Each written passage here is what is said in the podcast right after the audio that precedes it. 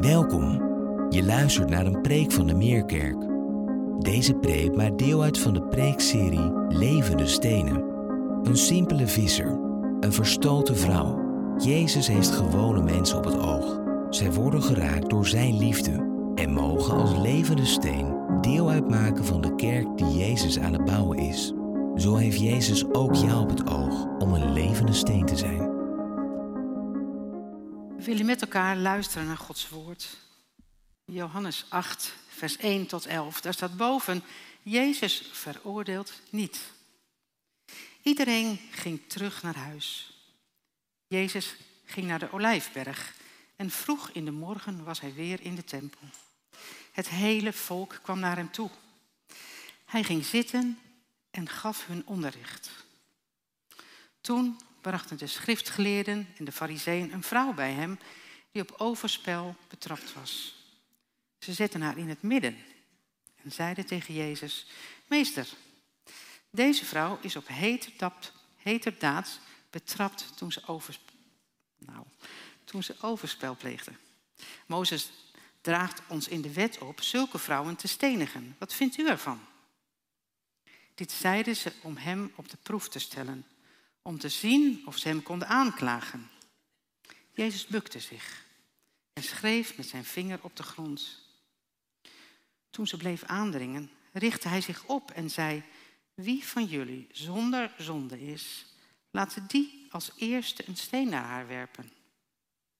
Hij bukte zich weer en schreef op de grond. Toen ze dat hoorden, gingen ze weg, één voor één. De oudste het eerst. Ze lieten hem alleen met de vrouw die in het midden stond. Jezus richtte zich op en vroeg haar, waar zijn ze? Heeft niemand u veroordeeld? Niemand, Heer, zei ze. Ik veroordeel u ook niet, zei Jezus. Ga naar huis en zondig vanaf nu niet meer. Tot zover Gods woord. Loop. Een hele goede morgen.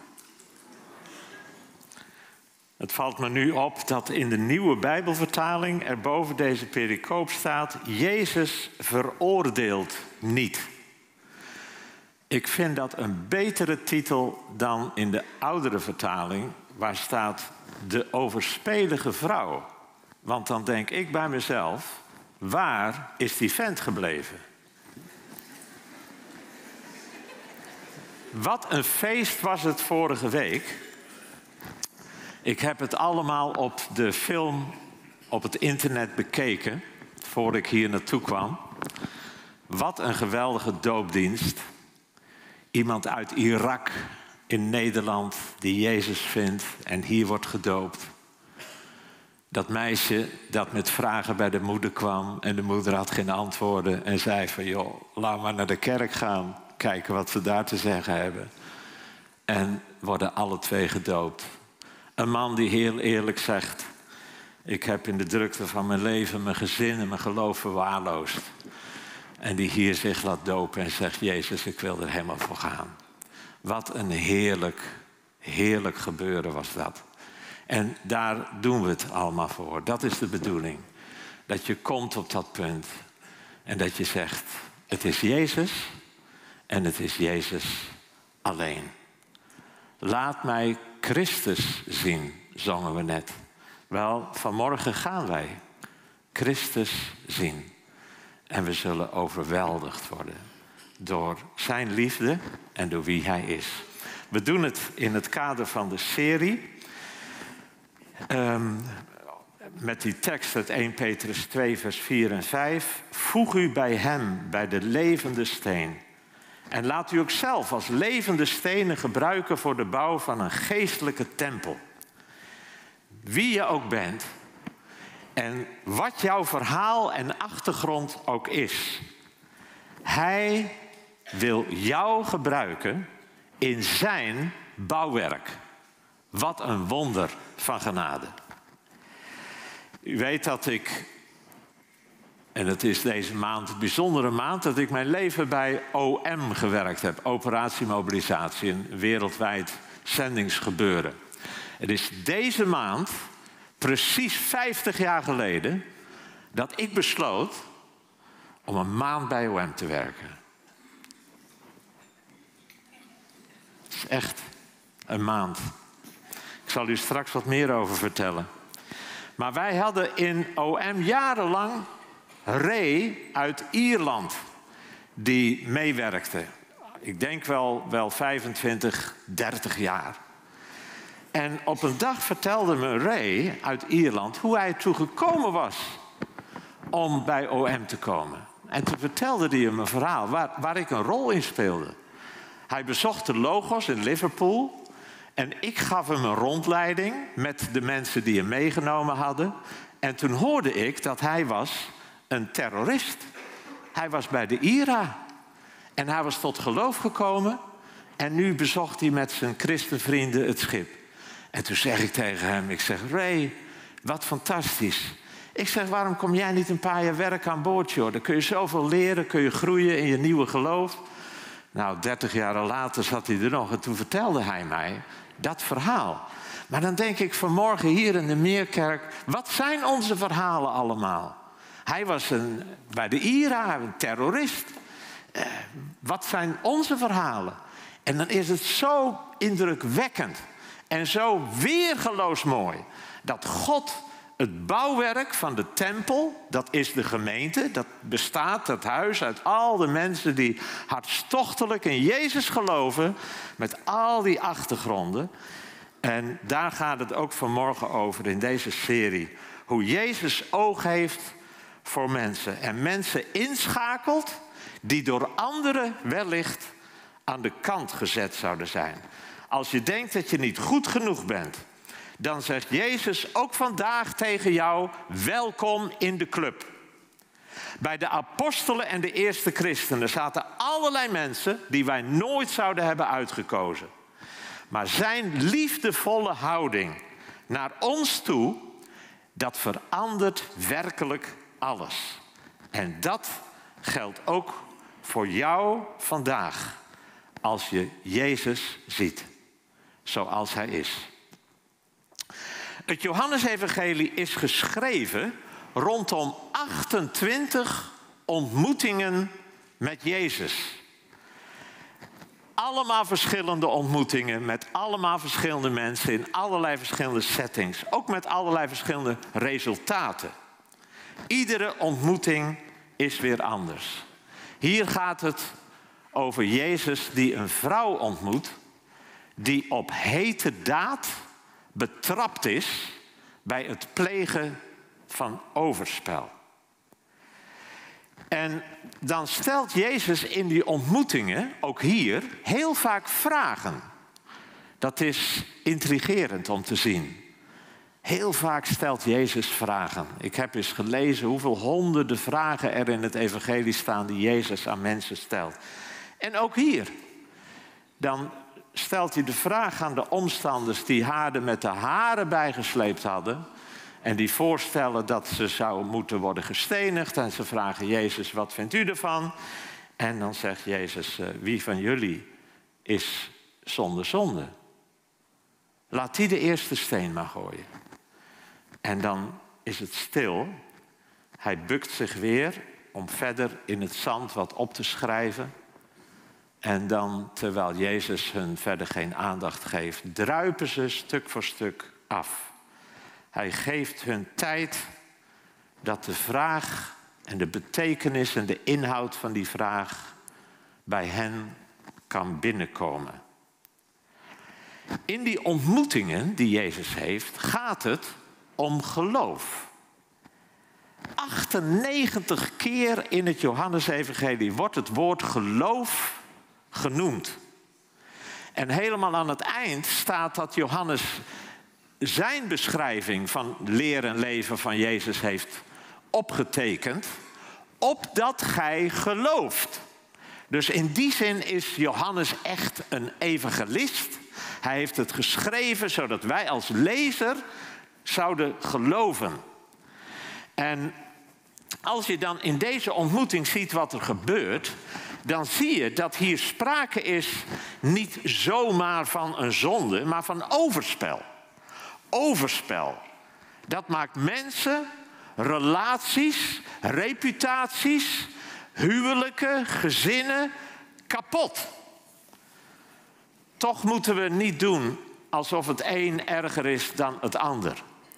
Jezus zegt in Matthäus 5: Jullie hebben wel gezegd dat er gezegd werd: pleeg geen overspel. Dit zeg ik daarover. Iedereen die een vrouw aankijkt en haar begeert, heeft in zijn hart al overspel met haar gepleegd. Dan moet ik denken aan dat gesprek van Andries en de wetenschappers voor de televisie, waar hij een ontmoeting heeft met de topgeleerde James Tour, volgens Time Magazine een van de 50 meest invloedrijke wetenschappers van deze tijd. Een Jood die tot overtuigend geloof in Jezus als Messias is gekomen. Maar dat ging niet zomaar. James was student en hij stond bij de wasseretten te wachten op zijn beurt om zijn overhemd en zijn ondergoed te wassen. En toen komt een andere student, een christen, en die spreekt hem aan. En die begint met hem te vertellen over Jezus. En James die zegt tegen hem, ja joh, maar ik, ik ben geen zondaar. En dan neemt die jongen, die neemt de Bijbel en die opent hem en die leest deze tekst. Iedereen die een vrouw aankijkt en haar begeert, heeft in zijn hart al overspel met haar gepleegd. En James denkt, hoe weet die vent dat ik verslaafd aan porno ben? Het kwam zo diep binnen bij James Tour dat het hem dreef om zelf de Bijbel te lezen. En hij kwam radicaal tot geloof. Maar weet je, ook haten, hebzucht, liegen, kwaad spreken over een ander. Het is allemaal even zo zonde. Je kunt de hele wet gaan houden, zegt de Bijbel. Maar als je op één punt struikelt, ben je een wetsovertreder. En als je dat ervaart, en als je dan ervaart dat Hij jou niet veroordeelt, dan gebeurt er iets in je. Dan ga je ook van Hem houden. Dan ga je ook geloven. Zoals Emanuel Rutte, docent aan de VU in de filosofie, het zei toen ik het evangelie ging lezen. En zag wie Jezus was, dacht ik bij mezelf, bij Hem wil ik horen. Hoe zal het verder gegaan zijn met deze vrouw? Vers 11 zegt, ga naar huis zegt Jezus tegen deze vrouw. Terug naar haar huissituatie. Wat zal daar gebeurd en gezegd zijn? Wat zal ze daar zelf verteld hebben van de hele affaire? Hoe zullen anderen gereageerd hebben naar haar toe? En natuurlijk, wat ik net al zei, je vraagt je af: waar is die vent? Ik begrijp dat overspel meestal niet door één persoon gebeurt. En dan denk ik aan de Iraanse gevangenissen, die vol zitten met vrouwen. Wist u dat? Want in de Iraanse rechtspraak heeft het getuigenis van een man het dubbele gewicht als het getuigenis van een vrouw. Dus een vrouw die verkracht wordt, die, maakt daar, die, gaat daar, die, die, die maakt daar rapport van. Die gaat naar de politie, die vertelt wat er is. Het komt uiteindelijk voor de rechter. Dan is het het verhaal van de man tegen het verhaal van de vrouw. Die man die zegt, ja, zij heeft mij verleid. Die vrouw zegt, hij heeft mij verkracht. De man zijn getuigenis telt dubbel zo zwaar, bij wet geregeld, als het verhaal van de vrouw. Dus wat gebeurt er? De vrouw wordt veroordeeld. Dan is ze al verkracht. En dan wordt ze ook veroordeeld tot de gevangenis. En Iraanse gevangenissen zitten om die reden vol met vrouwen. Hoe zal het verder gegaan zijn met deze vrouw? De aanklagers zijn afgedropen. Nu staat ze daar, bedremmeld, met Jezus alleen. Van aanklacht tot acceptatie. En zo staat ze daar. En hoort ze Jezus zeggen: Ook ik veroordeel jou niet. Wat een woorden. Wat een evangelie. En vers 11 zegt Jezus, zondig van nu af niet meer. Jezus gebruikt hier het bij ons in onmin geraakte woord zonde. In het Grieks staat daar het woord hamartano, wat betekent het missen van je doel. Het mislopen van de prijs. Weet je, seks is zoiets moois en zoiets heiligs dat al het andere gebruik dan waarvoor de schepper het bedoeld heeft, dat is het mislopen van, wat het, van het doel. Je loopt de prijs mis. Je mist waar het voor is. Dat is zonde. En wat zonde is, dat moeten ook wij zo noemen. In elk geval duidelijk maken dat je het mooiste misloopt. De oplossing begint altijd met de dingen eerlijk onder ogen zien. Ook bij Wichelen Tamboer. Als de arts had gezegd iets anders dan wat er was, hadden ze hem niet deze week kunnen helpen. En dan denk ik aan mijn vrouw, die een half jaar lang bij een arts liep, een specialist. En die dacht, ja, mevrouw Strietman, u hebt een bacterie in de neusholte, daarom is die neus verstopt. En dat duurde een half jaar. En toen de, toen de aap uit de mouw kwam en er werd gezegd, mevrouw Strietman, het is geen bacterie, u hebt kanker. Drie maanden later was ze overleden. Een foute diagnose kan verschrikkelijke gevolgen hebben. Het begint er altijd mee om eerlijk de dingen bij de naam te noemen. En eerlijk onder ogen te zien zoals de situatie is. Wegkijken en wegmoffelen, dat gaat jou en mij niet helpen. Iedereen mag komen zoals die is, maar het is niet de bedoeling dat je blijft zoals je bent. Jezus zegt tegen haar: zondig van nu aan niet meer. Wat leert dit over Jezus? Ik heb drie vragen om over na te denken. Wat leert dit over Jezus? Wat leert dit over de wet? En wat leert dit over onszelf? In de eerste plaats, wat leert dit over Jezus? Het Johannesevangelie is. Um, het begint op een hele cryptische manier. Hè? Johannes, die leer en leven van Jezus beschrijft, begint zijn evangelie met in de beginnen was het woord, het woord was bij God, het woord was God, alle dingen zijn door het woord geschapen. En als je dan verder leest, dan staat er het woord is vlees geworden. Op een hele cryptische manier gebruikt hij woord in het Grieks logos, wat woord, kennis of oorsprong betekent. En dan besef je dus, dat woord dat slaat op Jezus. Dat betekent dus dat Johannes begint met te zeggen, in het begin was Jezus. Jezus was bij God, Jezus was God. Alle dingen zijn door Jezus geworden. Jezus is de schepper van het hele universum. Hij is onze uitvinder. Hij is degene die ons bedacht heeft en gemaakt heeft en gewild heeft. Deze schepper van het universum staat dus hier tegenover een vrouw die op hete daad op overspel betrapt is. En dan veroordeelt hij haar niet. Jezus staat vanmorgen tegenover ons. Tegenover jou, tegenover mij. En hij houdt van ons. Zielsveel. Ik heb in mijn eigen Bijbel lezen de afgelopen dagen de profeten doorgelezen. En het trof mij dat ook in het Oude Testament, in die profeten, die ook vaak zulke harde boodschappen brengen aan het volk van God, dat is afgedwaald. En ze vertellen hun de waarheid. Maar te midden van al die dingen komt de liefde van God steeds weer naar voren. Ezekiel die zegt, God heeft geen behagen in de dood van een zondaar, maar veel meer dat hij zich bekeert en leeft.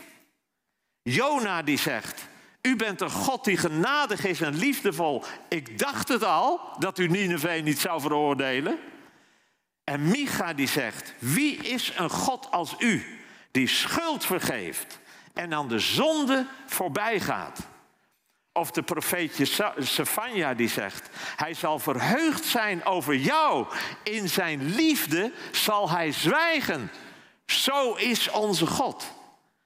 Hij is zo machtig, schepper van hemel en aarde. En toch reageert hij zo vol van liefde. Wat leert dit over de wet?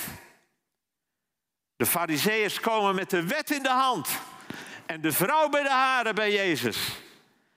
En dan zeggen ze, in de wet staat, en dan citeren ze Leviticus 20, vers 10, Deuteronomium 22, vers 22.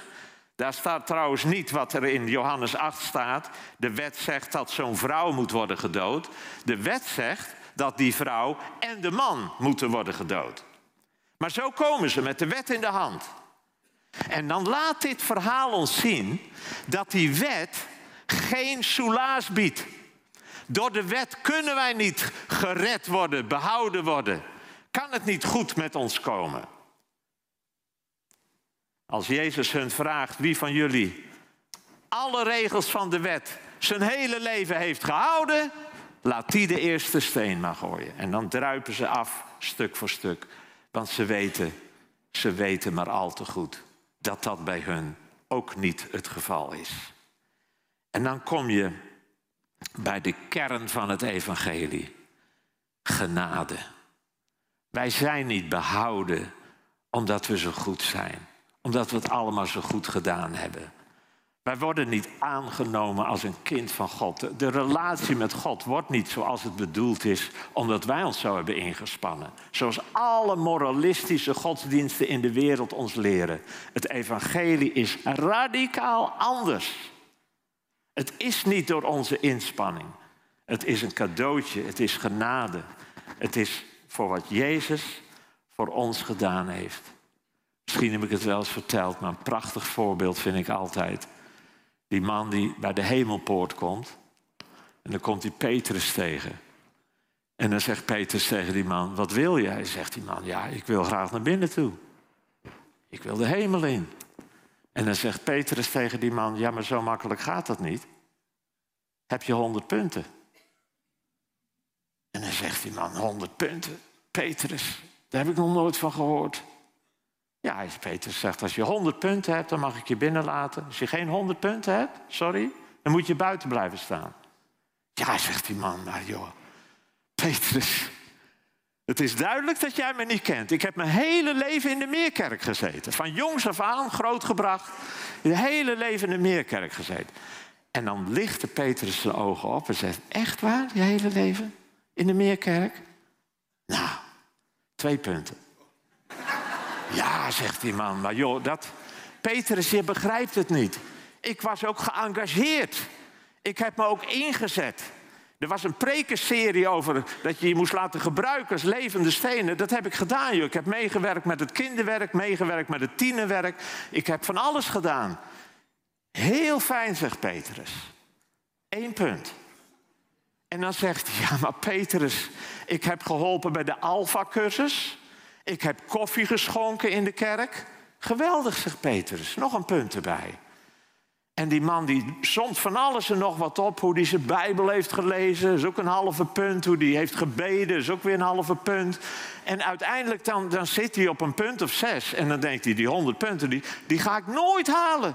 En dan bedenkt hij plotseling, Petrus, ik heb in mijn jonge jaren een zomer bij OM gewerkt. En dan zegt Petrus natuurlijk, dat is echt klasse. Dat is drie punten. Uiteindelijk blijft hij steken op een punt of acht, negen. En dan stort hij op zijn knieën neer. En dan begint hij te huilen. En dan zegt hij: O God, wees mij zondaar genadig. En dan springt Petrus naar voren en dan zegt Petrus: Halleluja, dat is honderd punten. Dat is genade. Wij kunnen het niet verdienen. We hebben het niet verdiend. We kunnen het alleen maar als een geschenk van God aanvaarden. Deze vrouw had het niet verdiend. Maar ze hoort uit het woord van Jezus: ook ik veroordeel jou niet. En zo ontmoeten wij elkaar vanmorgen en elke dag als leden van de gemeente aan de voeten van dat kruis. Want het is daar waar je beseft dat ook jij vergeven bent. Ook jij gereinigd bent. Ook jij op een onverklaarbare manier de woorden hebt gehoord. Ook ik veroordeel jou niet. Er is geen andere plek waar we de diepte van de christelijke onderlinge liefde en eenheid zo diep ervaren als aan de voeten van het kruis van Jezus. Wat leert het over onszelf?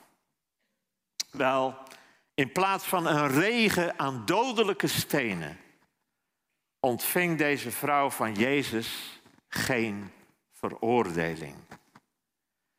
Ik heb de profeten gelezen, zei ik al. Jezaja, aan het begin van het boek Jezaja, bij zijn roeping staat er...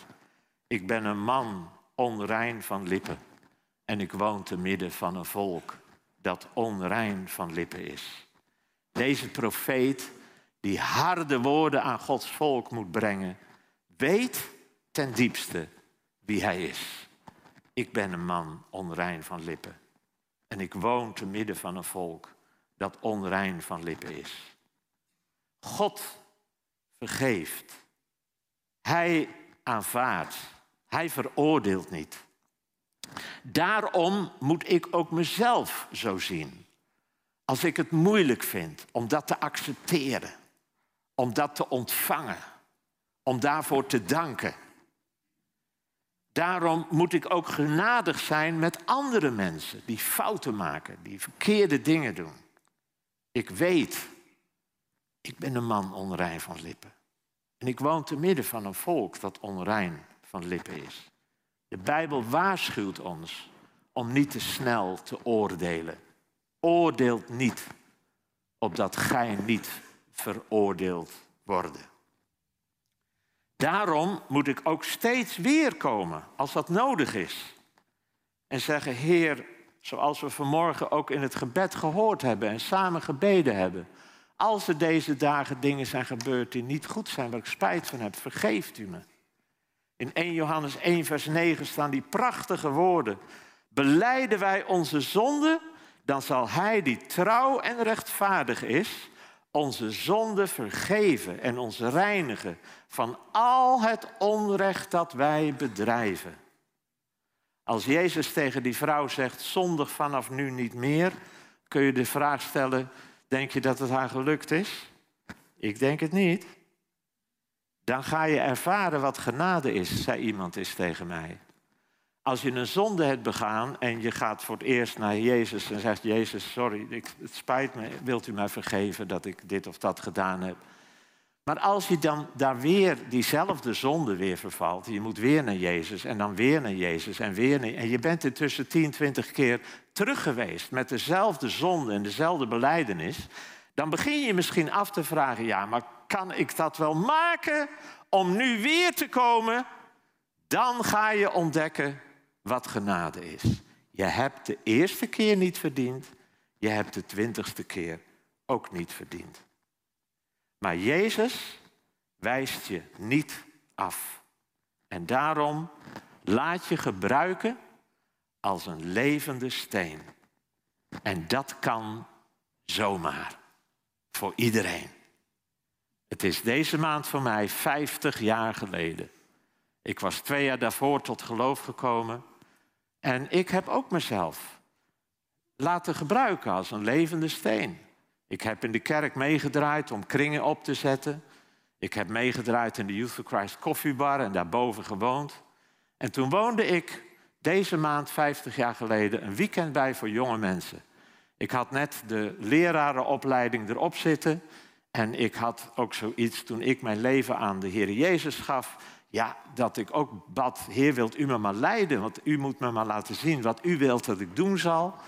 En toen was ik in dat weekend voor jonge mensen met belangstelling voor de zending. Het was op, de Veluwe in het Harde.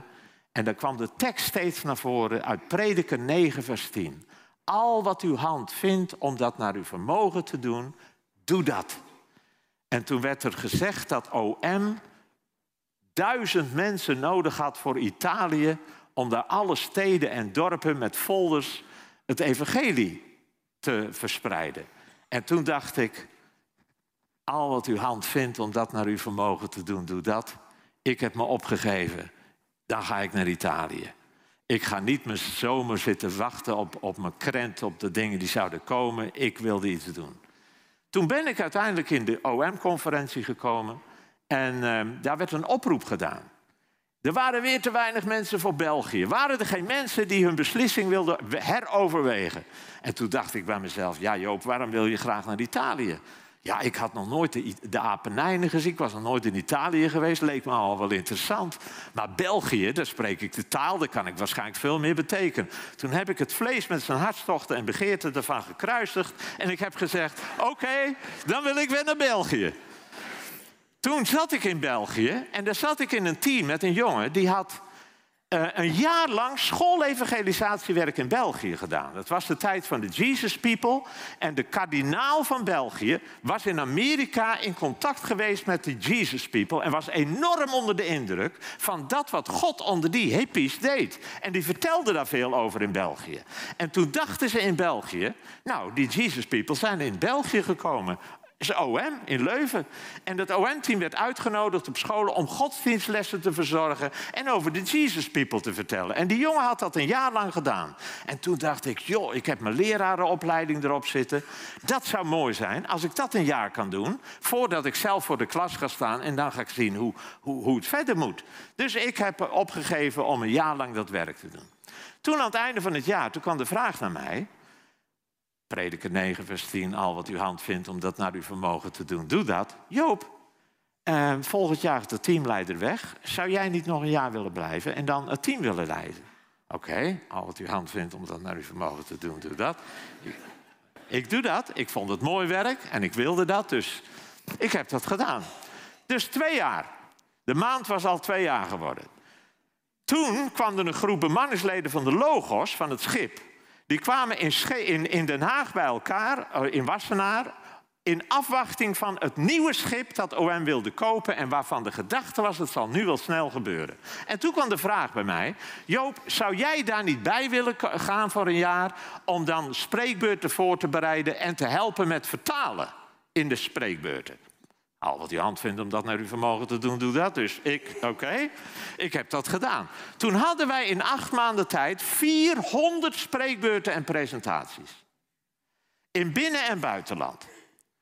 Dus toen kwam de vraag, in een kleine bijeenkomst waar we dat bespraken, waar Annie ook bij zat, mijn latere vrouw. En uh, wij bespraken de vraag van, joh, is dit niet de tijd om een OM-kantoor in Nederland te beginnen? We hebben zoveel connecties, zoveel contacten. Joop, is dat niks voor jou? Oké. Prediker 9, vers 10. Daar staat. Al wat uw hand vindt om dat naar uw vermogen te doen, doe dat. Dus ik heb gezegd: oké, dat, dat, dat wil ik. Ik heb erover nagedacht en voor gebeden. Nou, nu ben ik 50 jaar later. En ik heb 50 jaar op die manier mogen dienen.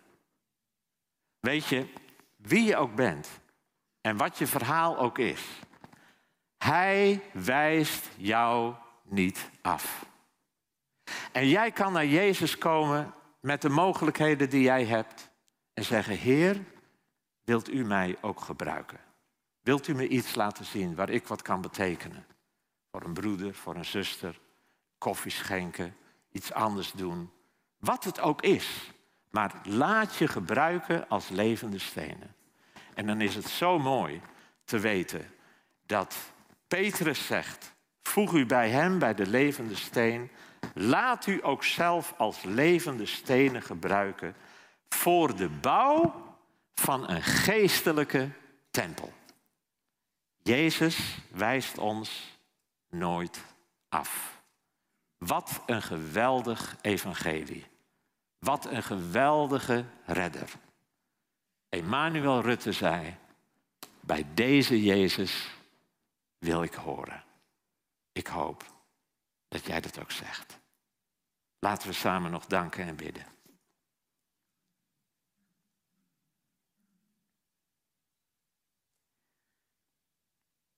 Heren, wat zijn we ontzettend dankbaar dat u bent wie u bent. Dat we daarom zo dadelijk gaan zingen, Jezus, wij verhogen u. U bent zo anders dan ieder ander. Zo liefdevol, zo vol van acceptatie. Heer, dat we bij u mogen komen zoals we zijn. Dat u dan met ons aan de slag gaat om ons te veranderen en ons naar het beeld dat u met ons voor hebt te maken. Het is zo heerlijk. Het is zo geweldig. Dank u dat u ons wil gebruiken. Wie we ook zijn en wat en hoe ons leven ook geweest is. Wat een voorrecht om terug te kunnen zien in ons leven en dan uw goedheid en genade te herkennen. We zien het hier bij deze vrouw, maar we zien het ook in de geschiedenis van de Meerkerk. Ik zie het ook in mijn eigen leven en in de geschiedenis van het OM-werk. Uw hand is zo onmiskenbaar. Heer, deze vrouw stond daar voor u. Alleen met u. Alle aanklagers waren afgedropen. En toen zei u tegen haar die prachtige woorden: Ook ik veroordeel jou niet. Ga nu heen en zondig vanaf nu niet meer. Laat ons in dit moment van stilte, laat ons ook die woorden horen in ons hart.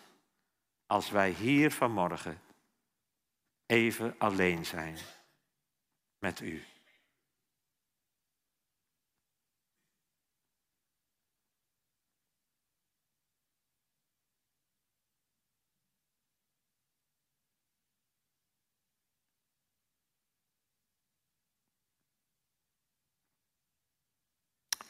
Jezus, wij verhogen u. Wij erkennen u als Heer. Wat een voorrecht is het u te kennen. De Schepper die zo zielsveel van ons houdt. Amen.